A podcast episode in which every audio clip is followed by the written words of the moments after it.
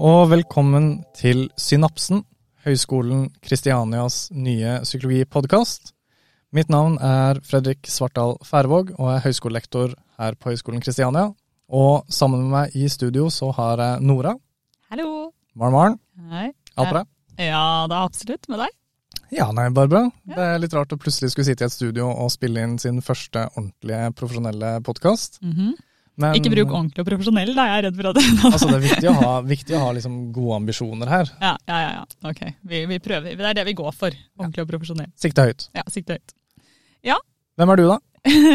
jeg heter jo da Nora Østby. Jeg er også høyskolelektor på Høgskolen Kristiania. Underviser i psykologi, sånn som deg, da. Så sammen skal vi lage denne podkasten. Ja, vi har jo planlagt det her lenge nå og drodla rundt og tenkt at det finnes ikke noen podkaster i psykologi som iallfall vi føler dekker alle våre behov, eh, og diskuterer de temaene vi syns er spennende og sånn. Så da tenkte mm. vi ja, hvorfor ikke bare prøve sjøl? Ja, så får vi håpe det er noen som har lyst til å høre på det her, da. Ja, I worst case blir det oss to som har noe å høre på på fritida, men ja. det, det funker, det. Ja.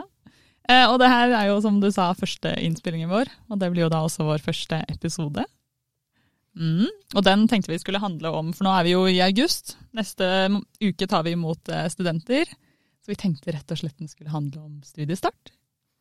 Ja, og det blir jo en litt spesiell studiestart nå, fordi nå for både vår del og for studentenes del, så er det jo nå det å plutselig skulle komme tilbake fra ja, en slags lockdown, hjemmekontor, nettundervisning, begrensa sosial kontakt. Altså alle disse kjipe fyorda som koronaen har introdusert i samfunnet. Mm.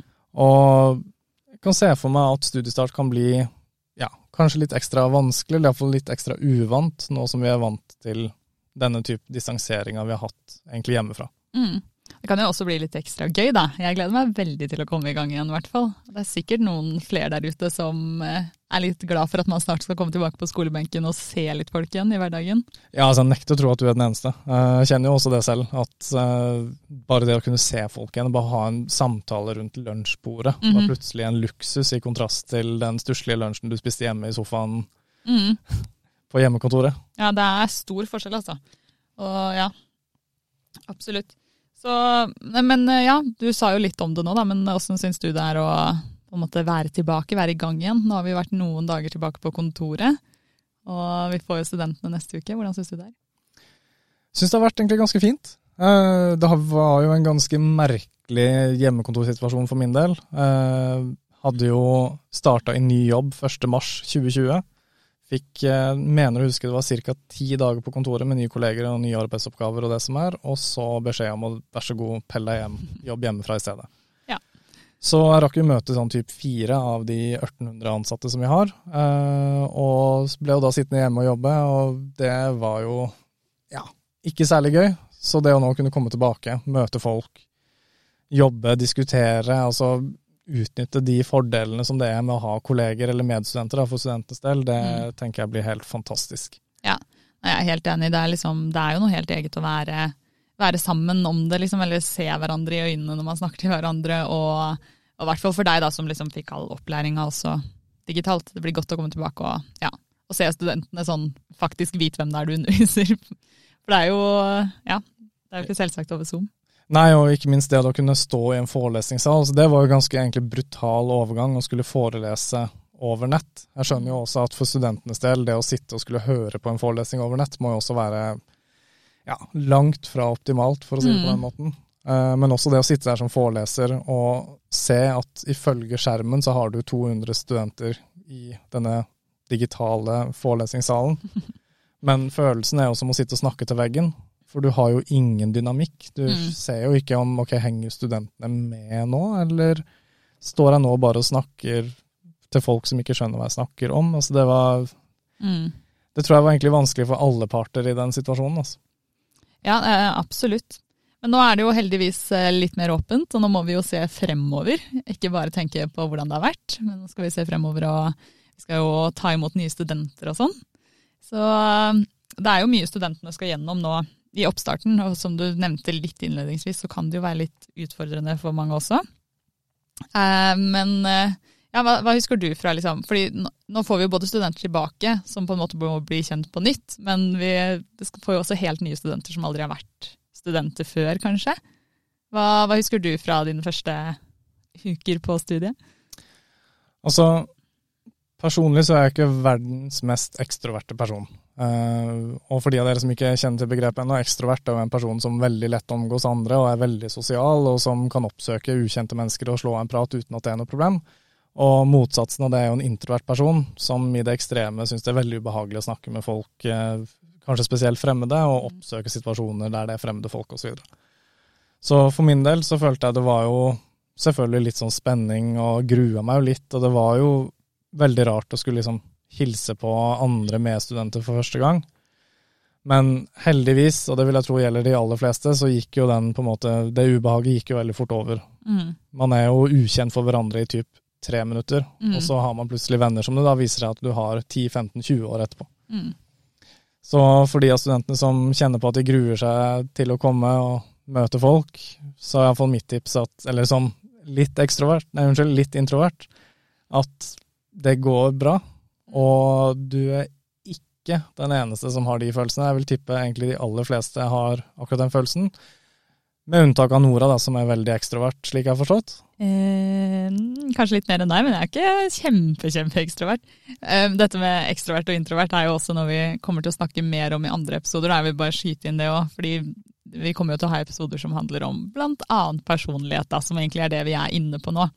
Um, men ja, for å svare på spørsmålet ditt, jeg er kanskje litt mer uh, ekstrovert enn deg, men jeg er ganske midt på, jeg òg. Um, så det handler jo mer om hvor man henter energi, om man henter energi alene eller Eller det handler også om det, da. Om man henter energi alene eller med andre. Men um, ja, første studie, eller skoledag for meg da, på høyere utdanning, det var jo Ja, det var slitsomt. hvis det er lov å si. Man skal jo liksom bare være sånn sin beste versjon, eller den beste versjonen av seg selv, og bare sånn bjuda på gi alt man har. Og bare sånn, jeg skal bli kjent med alle.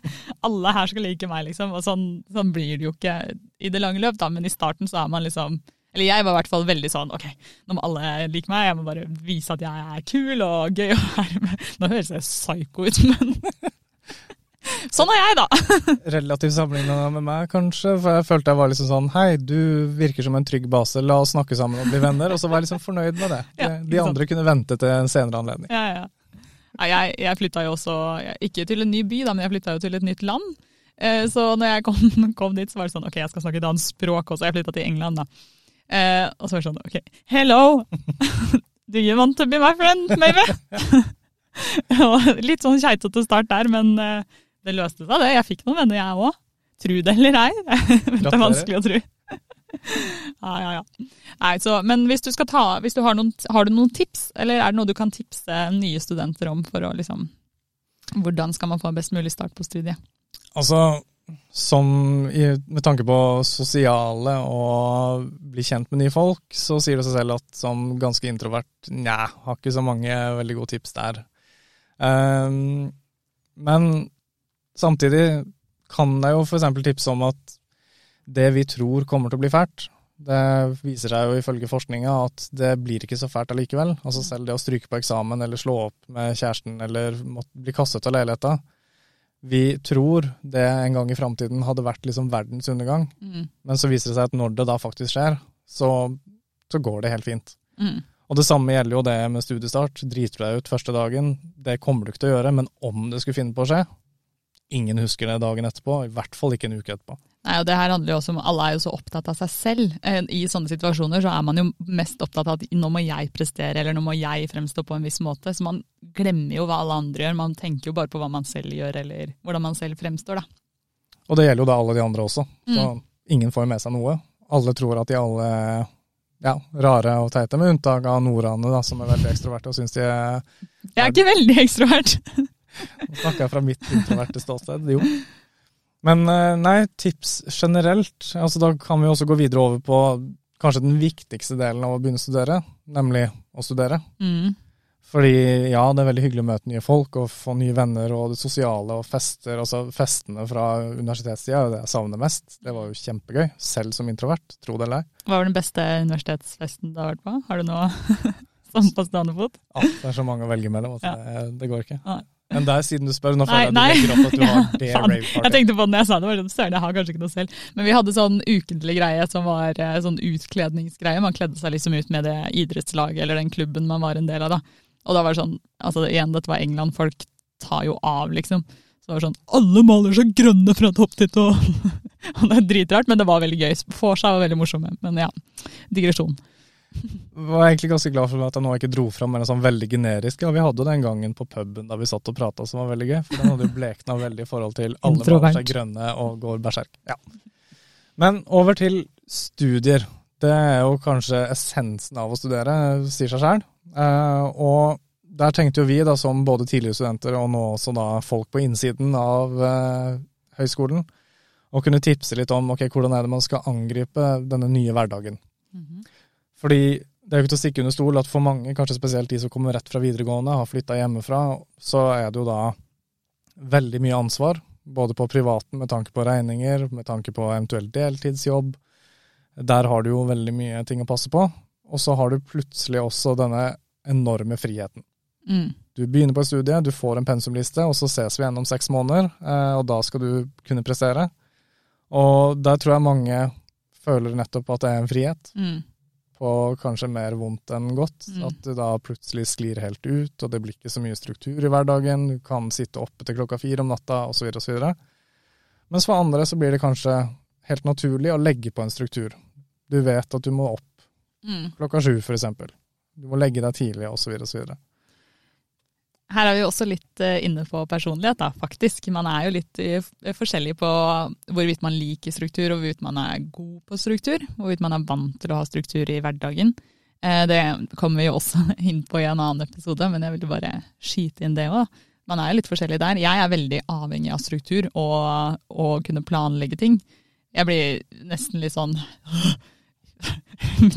Drit i å komme med sånne ting sånn helt ut av det blå. Jeg har lyst til å vite det på forhånd. Jeg vil ha det på en liste som jeg kan krysse av. Ja, sånn er jeg, da. Ja, jeg merker jeg kjenner meg til dels igjen, fordi jeg liker Eller jeg har det også sånn. Jeg vil kunne forutse ting. Jeg vil kunne vite når ting skal skje, hvor jeg skal være neste uke. Men jeg har ingen liksom, tilbøyelighet for å planlegge det selv. Mm. Så jeg vil at jeg skal oh, ja. bare vite, men jeg gidder ikke å gjøre noe med det. Det er veldig gøy. Det er sånn jeg kan også ha liksom enkelte ting hjemme. Kan jeg ha veldig god orden på pakke fint ned, brette noen klær. Mhm. Andre klær kan ligge i en haug på gulvet. Veldig sånn blanda akkurat det der. Ok, Så nå, nå er det jeg som fremstår som gæren Mm. Ja. Ja, men det er fint. Da begge, begge er litt gærne. Det det må gå. Men du nevner jo dette med at liksom ja, det, det med struktur og å ha en sånn plan for dagen eller ikke. Man har jo det valget. Men hvis du skulle gitt et tips, da, hva vil du på en måte anbefale nye studenter eller gamle studenter som vender tilbake å gjøre? Som nå ikke bare kan ligge i senga lenger og se på forelesninger over Zoom. Altså Mitt generelle tips er vel, eller det mest generelle tipset er jo det å prøve å ha en litt sånn forutsigbar struktur på dagene. Mm. Eh, akkurat som når du skal trene, f.eks. Ikke ta treningsøkta som det kommer hver dag, og så må du kjempe mot liksom dørstokk, mila og alle mulige upraktiske og praktiske ting som også skal passe inn. Men eh, heller prøve å ha en fast rutine på at du står opp til en noenlunde fast tid hver dag. Du skal gjøre det og det den dagen, f.eks. Mhm. dra på lesesalen eller hva det måtte være. Ikke fordi at det er nødvendigvis det absolutt aller beste, men fordi da slipper du den daglige kampen om at skal jeg på lesesalen i dag, skal jeg gjøre det i dag? Mm. Ja, det skal du ifølge timeplanen din, Mm. eksempel. Jeg er enig, det er et veldig, veldig godt tips. Og bare det å liksom ha en sånn fast rutine, det er sånn, sånn gjør jeg det, og sånn er dagene mine, liksom. Og det trenger ikke å være at du er på, du skal sitte klar på lesesalen halv åtte. Det kan være jeg skal være der klokka ti, eller en gang før. Og så har du liksom, ja, helst, helst åtte da. helst hele dagen. Vi vil at dere skal bruke masse tid på skole. Men var du god på det selv, eller? Altså nå når du sier det, så kommer jeg på at jeg var jo faktisk veldig miljøskada da jeg begynte å studere. Mhm. Fordi jeg var jo i førstegangstjenesten og dimitterte så å si på dagen da studiestart gikk. Å herre, ja. Så jeg kom jo da fra et bokstavelig talt militært regime med Mm. opp kvart over seks hver dag, strekke senga, spise, oppstilling av vask av rom hver eneste bidige dag, Mhm. Til å nå stå på egne ben. Og det tror jeg faktisk var ganske bra, for jeg husker jo også nå tilbake at jeg satt 07.30 sharp med en full kaffekopp klar på lesesalen mandag til fredag hver eneste dag. Ok, det gjorde ikke jeg. Man kan komme seg gjennom studiet uten det. Men, men skjønner du, Ja, det var sånn det begynte. Mhm. Men det gikk jo bare nedover derfra. Så det ble jo mye, mye mer ustrukturert etter hvert. Men da heldigvis fortsatt en, på en måte en slags ryggrad i den strukturen. mm. Hadde ikke noe sånn 'skal jeg det, skal jeg det'. Nei, det var så å si hver dag Mm. på lesesalen. Møte den samme kollokviegruppa hver gang. Diskutere fag, dra på forelesninger osv. Og, så og det ja, behandla det egentlig som en fulltidsjobb. Åtte til fire, så var det studier. Mm. Ja, for det var egentlig det tenkte jeg faktisk nå at jeg skulle spørre deg om. At, eh, fordi Dabba deg av fordi det ikke var flere enn deg som gadd å være der halv åtte på morgenen med kaffekoppen, liksom? Eller hva? Ja. Eller? Ja. Ja. Altså, det, det var jo ganske tomt der, det halv Ja. for å si det sånn. og det er jo også litt på en måte et clou for veldig mange, da. Der er vi jo også forskjellige, selvfølgelig. Men for mange så er det viktig å ha noen å møte, eller noen å ha en avtale med. Du, så lenge, det trenger bare være én annen, men hvis det er sånn at hvis det, hvis, Sånn her er det i hvert fall for meg når jeg skal trene, da. Hvis jeg ikke har noen jeg skal møte på trening, da åpner jeg øya så, sånn halvveis når klokka ringer, og så er det sånn Nei, skal jeg gidde? Men hvis det er sånn de og de folka står der og venter på meg da, da må jeg bare hoppe opp. Jeg, det jo, jeg gidder jo ikke å svikte de. Så hvis man klarer å finne folk som har liksom ca. samme ønsker om rutiner som deg, eller ca. samme mål med utdanninga, så tror jeg det hjelper veldig med liksom, ja, at man hjelper på å dra hverandre litt gjennom. da. Absolutt, og det bringer vel over det nesten kan kalle for tips nummer to, Mhm. nemlig kollokviegruppe. Kollokvia. Altså, kollokvie må man ha, Ja. tenker jeg. Altså i mitt hode. Altså, uten en kollokviegruppe så står du ene og alene. Du skal forstå alt selv. Mm. Du skal ikke ha en eneste misforståelse når du leser pensum. Uh, ja, du skal kunne strukturere hverdagen din selv, du skal ha alle mulige avtaler selv. Og det å da, som du sier, å kunne fordele det ansvaret litt, om at ok, nå er vi sammen om å møtes klokka åtte, halv ni, Mm. ti, når det måtte være, så er man tvungen til å opprettholde den. Mm. Du trenger ikke å kjempe mot din egen dørstokkmila, fordi dere har da en, hva heter det på norsk, agreement, enighet, takk, Ja. eh, om at man da skal møtes da. Mm. Og da gjør det studiehverdagen mye, mye lettere. Ja, og, og ikke bare det, men det er også at man, man kanskje forstår litt ulike ting, eller man har forstått ting på litt ulike måter og kan diskutere det. Eller man Ok, dette skjønte jeg, men det skjønte ikke du. Men du skjønte noe annet som ikke jeg skjønte. Og så kan man liksom spille hverandre gode, da, eller hjelpe hverandre med å forstå ting. Det var det jeg syntes var viktigst med den kollokvien jeg var en del av, i hvert fall. Ja, og jeg husker også tilbake til spesifikke situasjoner der jeg hadde sittet hjemme, lest pensumet, gjort notater, løst en oppgave som vi skulle diskutere i kollokviegruppa senere, og så viser det seg at jeg har bomma totalt. Mm. Det var et begrep som jeg tenkte at ja, det betydde noe helt spesifikt, og bygga en hel oppgave rundt det, og fikk det jo til å stemme på et eller annet magisk vis. Eh, og ble jo da møtt av en tre, fire, fem par øyne som så egentlig veldig skeptiske ut da jeg sto der og snakka, fordi det her var jo totalt feil. Og det redda meg da faktisk opp mot eksamen, for jeg mener å huske at vi fikk faktisk noen spørsmål knytta til det på eksamen. Ja, ikke sant. Og du kan jo da fint lese alene, men den type innsikt, altså at andre kan forklare deg, eller ja, gi deg tips om så, konstruktiv kritikk, eh, irettesettelse hvis du har virkelig bomma totalt, Mm. det, det er priceless. Ja, absolutt, altså. Så det er når vi som forelesere ikke helt eh, funker, eller forklarer det sånn at du forstår det, så kanskje medstudentene dine har forstått det på en litt annen måte enn deg. Og kanskje dere kan hjelpe hverandre med å, med å forstå helheten i det. Ja, og du trenger jo ikke avhengig av foreleser heller. Eh, Det kan jo også være Alt avhenger av oss. Vi liker kanskje å tro det, men, Nei, på ingen måte. men eh, i altså eksempel større emner, altså som et innføringsemne, så har du så mange sider pensum at en foreleser vil aldri kunne klare å dekke hele boka perm til perm. Det er jeg ansvarlig for. Ikke Oi, sant? bare skyter inn det. Og da regner jeg med at du selv vet fra dine egne forelesninger, med mindre du er en superhelt, og det vet jeg ikke ennå. Har du ikke satt en kappe her? Nei. Til alle lyttere, det er ingen kaffe i dette studio, eh, som egentlig bekrefter da poenget at noen begreper vil jo ikke bli dekt i forelesning. De må du lære deg sjøl. Ja, ja, nei, altså vi har jo på ingen måte mulighet til å dekke absolutt alt. Ikke bare i innføringsemner, men i altså det finnes så masse teorier og teoretikere og hypoteser, nesten, holdt jeg på å si, eller sånn tanker om eh, diverse som man på en måte burde kunne, men som ikke vi har tid til å dekke, da, alt sammen. Så alt avhenger ikke av oss. Det er helt riktig. Så da, for å oppsummere så langt, så er det da få en rutine på studiehverdagen.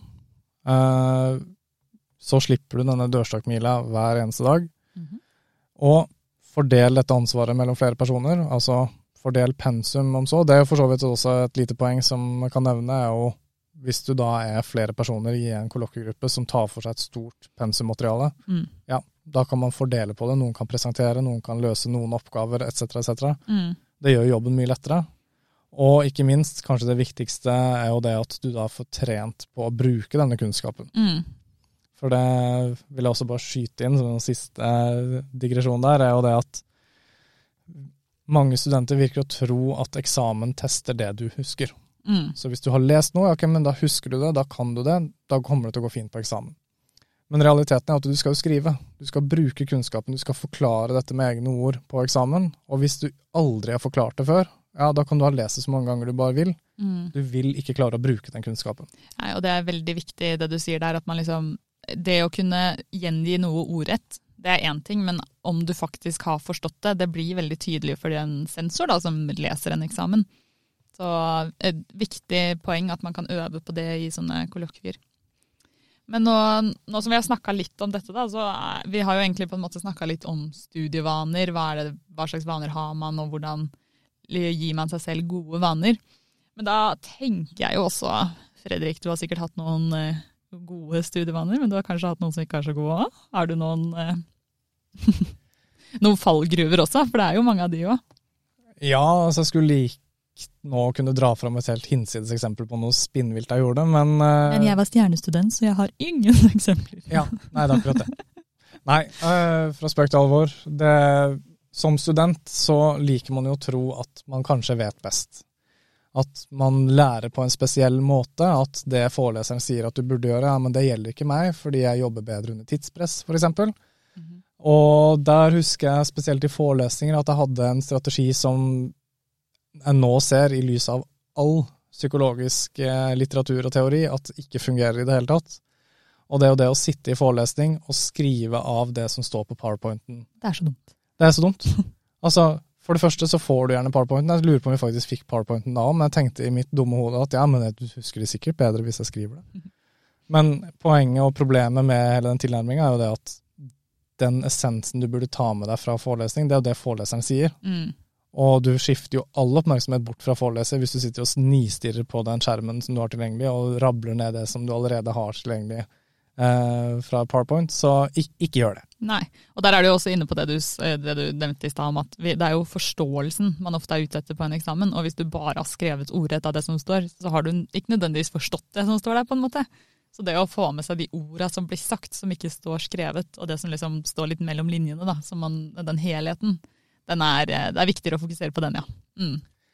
Og der eh, har du et annet viktig poeng, det med å oversette det og bruke egne ord. Eh, da husker jeg faktisk et litt sånn bra tilnærming som jeg hadde, som også da, det her skal sies det er ikke normalt, det er veldig farga av at jeg da var i militæret året før, men det å skrive notater til hele pensumboka, det gjorde jeg.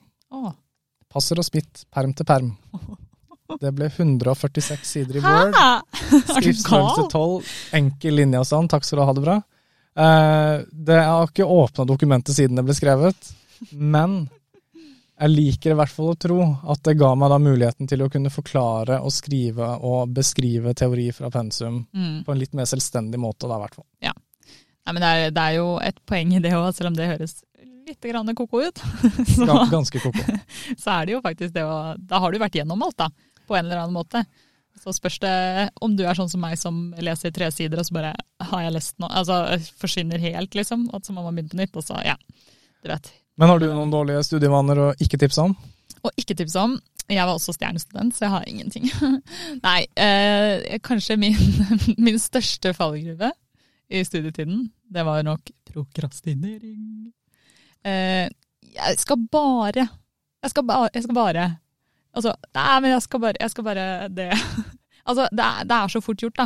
Og jeg, ja, egentlig så følte jeg liksom at jeg klarte ofte å få gjort ting innen tiden og sånn, men det blir jo bare sånn veldig unødvendig bruk av tid, da. Hvis du setter av tre timer på å jobbe, og så jobber du egentlig bare effektivt maks 20 minutter av det, så er jo det bare dust. Det er sånn, hvis du har satt av de tre timene, så bruk de tre timene. Ikke jeg skal bare sette på en klesvask, Og så skal jeg bare lage meg litt i lunsj. Nå ble det dialekt her, så jeg veit ikke helt hvorfor.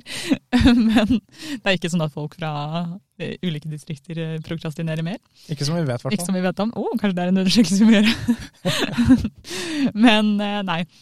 Det, det, er en fallgruve, altså. Det, og det skal vi jo også ha litt om i en annen episode, fordi det med prokrastinering er jo egentlig veldig interessant. Men prøv å gjøre det når du bestemmer deg for å gjøre det. Sett heller av kortere perioder av gangen, tenker jeg da, hvis man skal gi et tips for å unngå dette, er jo liksom ikke, ikke forvent at du skal være superproduktiv i fem timer i strekk. Forvent heller ok, jeg klarer å være produktiv i ja, 20 minutter, 30 minutter, da. Og så må jeg ta en liten pause og gjøre et eller annet annet. Og der må man kjenne seg selv litt, eller bli litt kjent med seg selv, hvor lenge man klarer å holde konsentrasjonen. Ja, jeg tenker også det er et viktig poeng, for det, det var jeg også faktisk litt for flink på, var den baksiden av det du beskriver nå, nemlig at du setter deg et veldig hårete mål, og så får du dårlig samvittighet når du ikke får det til. Mm. Så jeg kunne også sitte på lesesalen og være sånn nå skal jeg sitte til klokka tre, f.eks. Men når klokka passerer ett, så har jeg plutselig en dårlig dag, la oss si, og mm. klarer ikke helt å følge med, og sitter der da og river meg i håret og får det ikke til. Og ja, det virker som om blikket går gjennom boka, og du får ikke lest et ord. Og hele den suppa der, som garantert alle studenter ever har vært borti. Yep. Og Problemet oppstår da når du da ja, ser på det som en feil ved deg selv. At du sier at ok, men nå er ikke jeg flink nok, nå får jeg ikke gjort den planen som jeg la eh, først. Men heller være litt ærlig om at ok, nå funka det ikke nå. Mm. Og det skal gå fint. Mm. Så nå pakker vi sammen, og så tar vi en litt tidlig dag i dag. Møter opp i morgen med mer energi enn jeg hadde i dag, og så kommer det til å gå mye bedre da. Mm. Ja, det er et veldig, veldig godt poeng, syns jeg. Um, hvis vi skal bevege oss litt videre fra det, da, så er det jo Altså, Nå høres det ut som denne podkasten er sånn Vi skal fortelle om hvordan vi har vært studenter. Det skal det ikke være. Vi skal inn på mere, flere temaer innen psykologi etter hvert, men vi tenkte at dette var liksom en fin måte å starte på. da. Men for å få litt overgang til de episodene som på en måte kommer senere, så kan vi jo snakke litt om noen temaer innen psykologi, og hvordan det relaterer seg til det å være student. Fordi innen psykologi så har man jo masse, masse temaer. Og blant dem så snakker vi f.eks. om hukommelse. Eh, og hukommelse det handler jo kanskje litt åpenbart om hvor mye vi husker, hvordan vi husker, hva kan vi gjøre for å huske ting bedre. Og nå sa jo Fredrik i stad at det å være student handler ikke bare om å huske informasjon, men det er jo også en del av det. Du skal forstå det, men du skal også huske hva du har forstått, på en måte. Så eh, har du noen tips, eller hvordan man kan bruke hukommelse, eller den kunnskapen vi i psykologi har om hukommelse, for å bli en kanskje bedre student, eller å huske bedre til eksamen?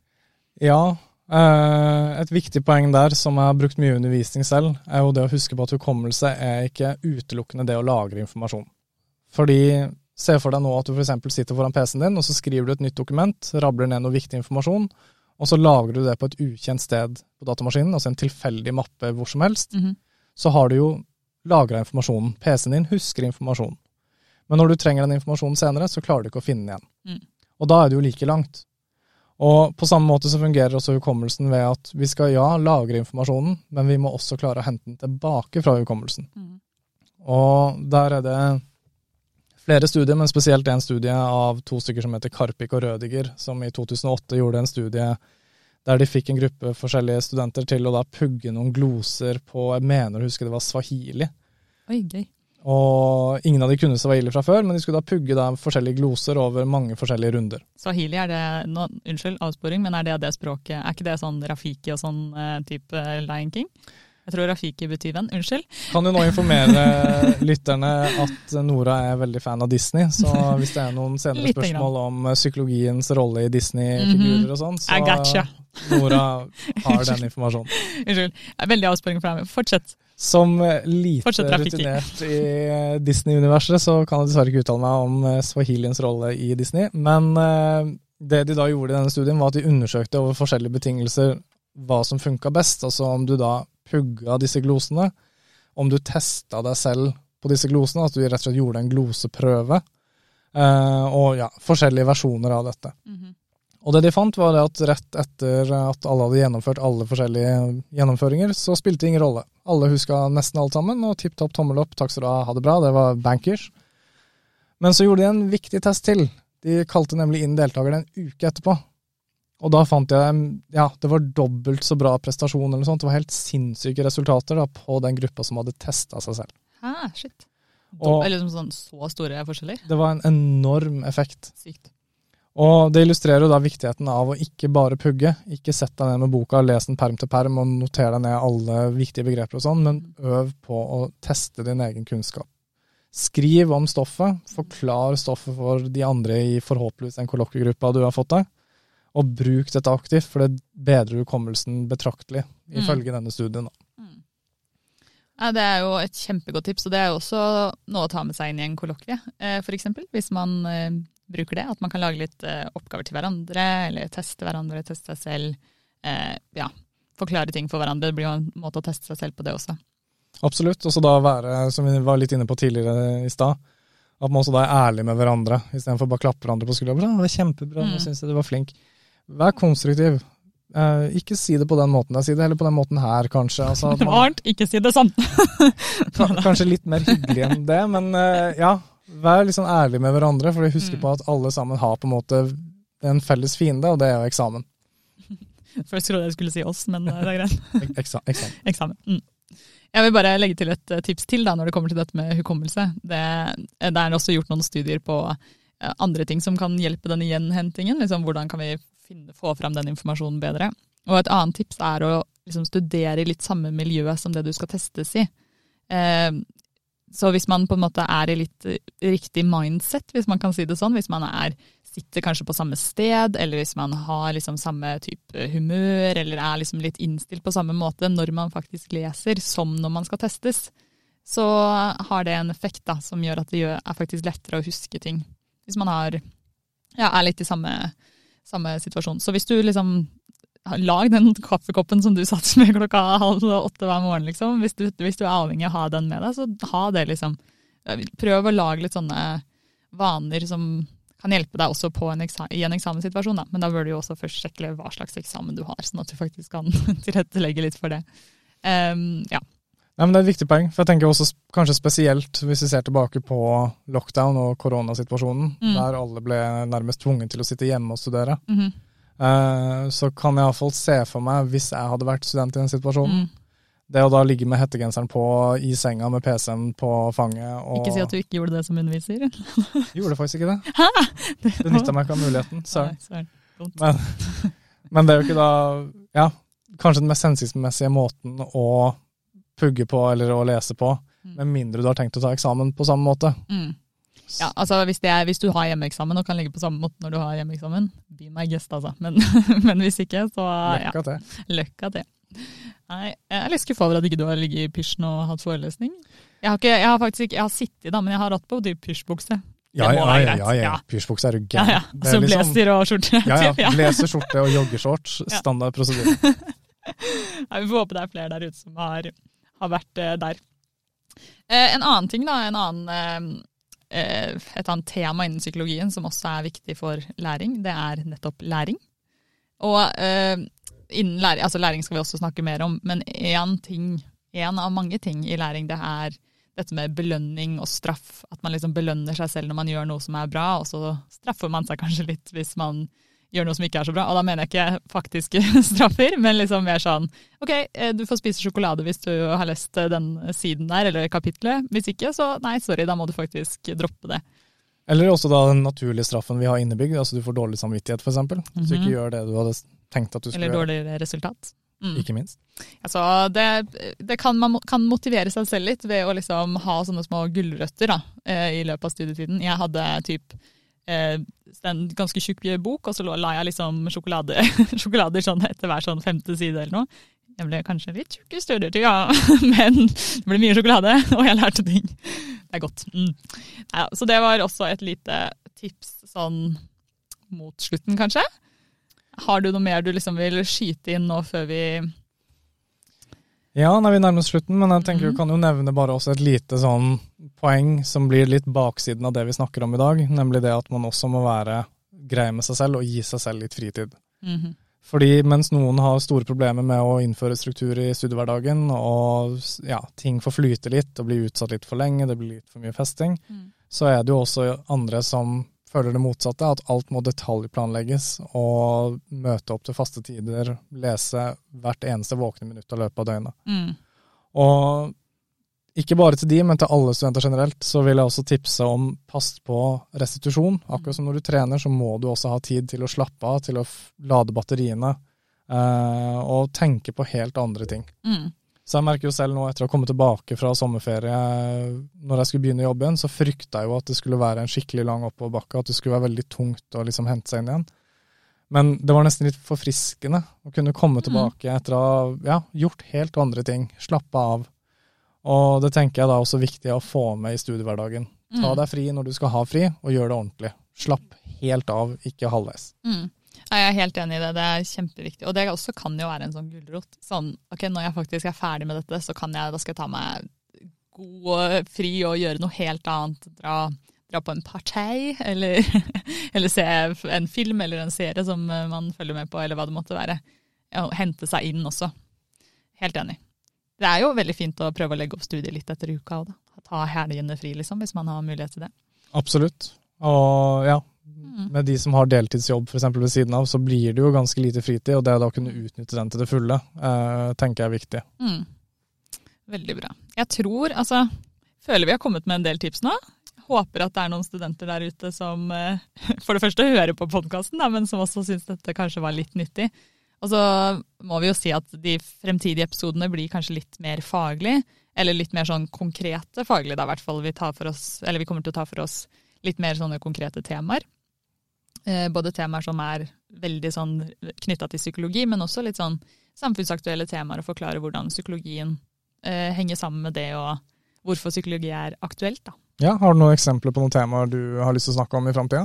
Mm, ja.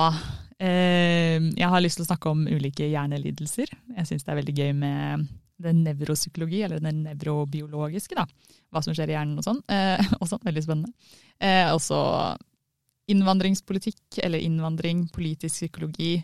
Eh, diskriminering og Altså det er så mye, da. Jeg, jeg, synes, jeg elsker psykologi, det er så mye spennende. Så hva med deg, da?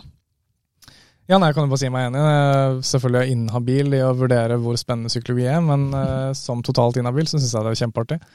Men eh, nei, jeg ser også fram til veldig mange forskjellige diskusjoner. Både de du nevner nå, å kunne lære mer selv, men også være med på diskusjonen hvis jeg får lov. Eh, Ja. ja, vi får nå se på det. Men eh, nei, jeg gleder meg til å snakke litt om prokrastinering. Gå litt mer i dybden på hva er prokrastinering. Og for de av dere som ikke har hørt ordet før, så betyr det altså da utsettelsesatferd. Når du burde lest eksamen, men istedenfor ender opp med å vaske vinduer eller se sesong fire av Friends for femte gang. Den slags type ting. Eh, og så gleder jeg meg også veldig til å snakke litt rundt mitt favorittema, som er da bedømmings- og beslutningspsykologi. Mm. Nemlig om hvordan er det vi gjør vurderinger, valg, og knytte det opp mot ting som ja, forbrukeratferd f.eks. For Hvorfor kjøper vi de varene vi kjøper? Mm. Uh, hva er det som selger, osv. Mm. Og jeg gleder meg også til å snakke om evolusjonspsykologi. Hvorfor syns vi noe er attraktivt og ikke? Hvorfor syns vi eh, ja, Hvorfor blir vi bilsjuke, f.eks.? Bare sånn tulleting som er gøy. Så vi får håpe. Og så er det jo et poeng til da, som kanskje er greit å nevne her. Det er at vi tar jo også imot tips, og vi vil gjerne at dere sender inn spørsmål hvis dere lurer på f.eks.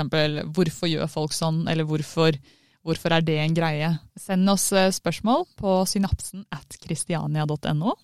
Altså synapsen alfakrøll kristiania.no. Kan ikke du si det med sånn mørk, kul stemme?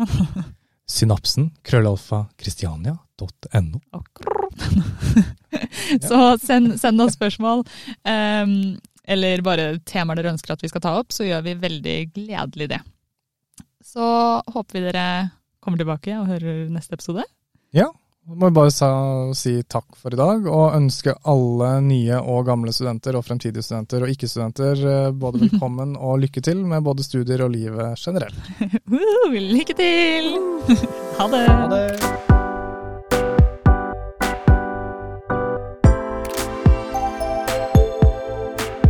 Synapsen.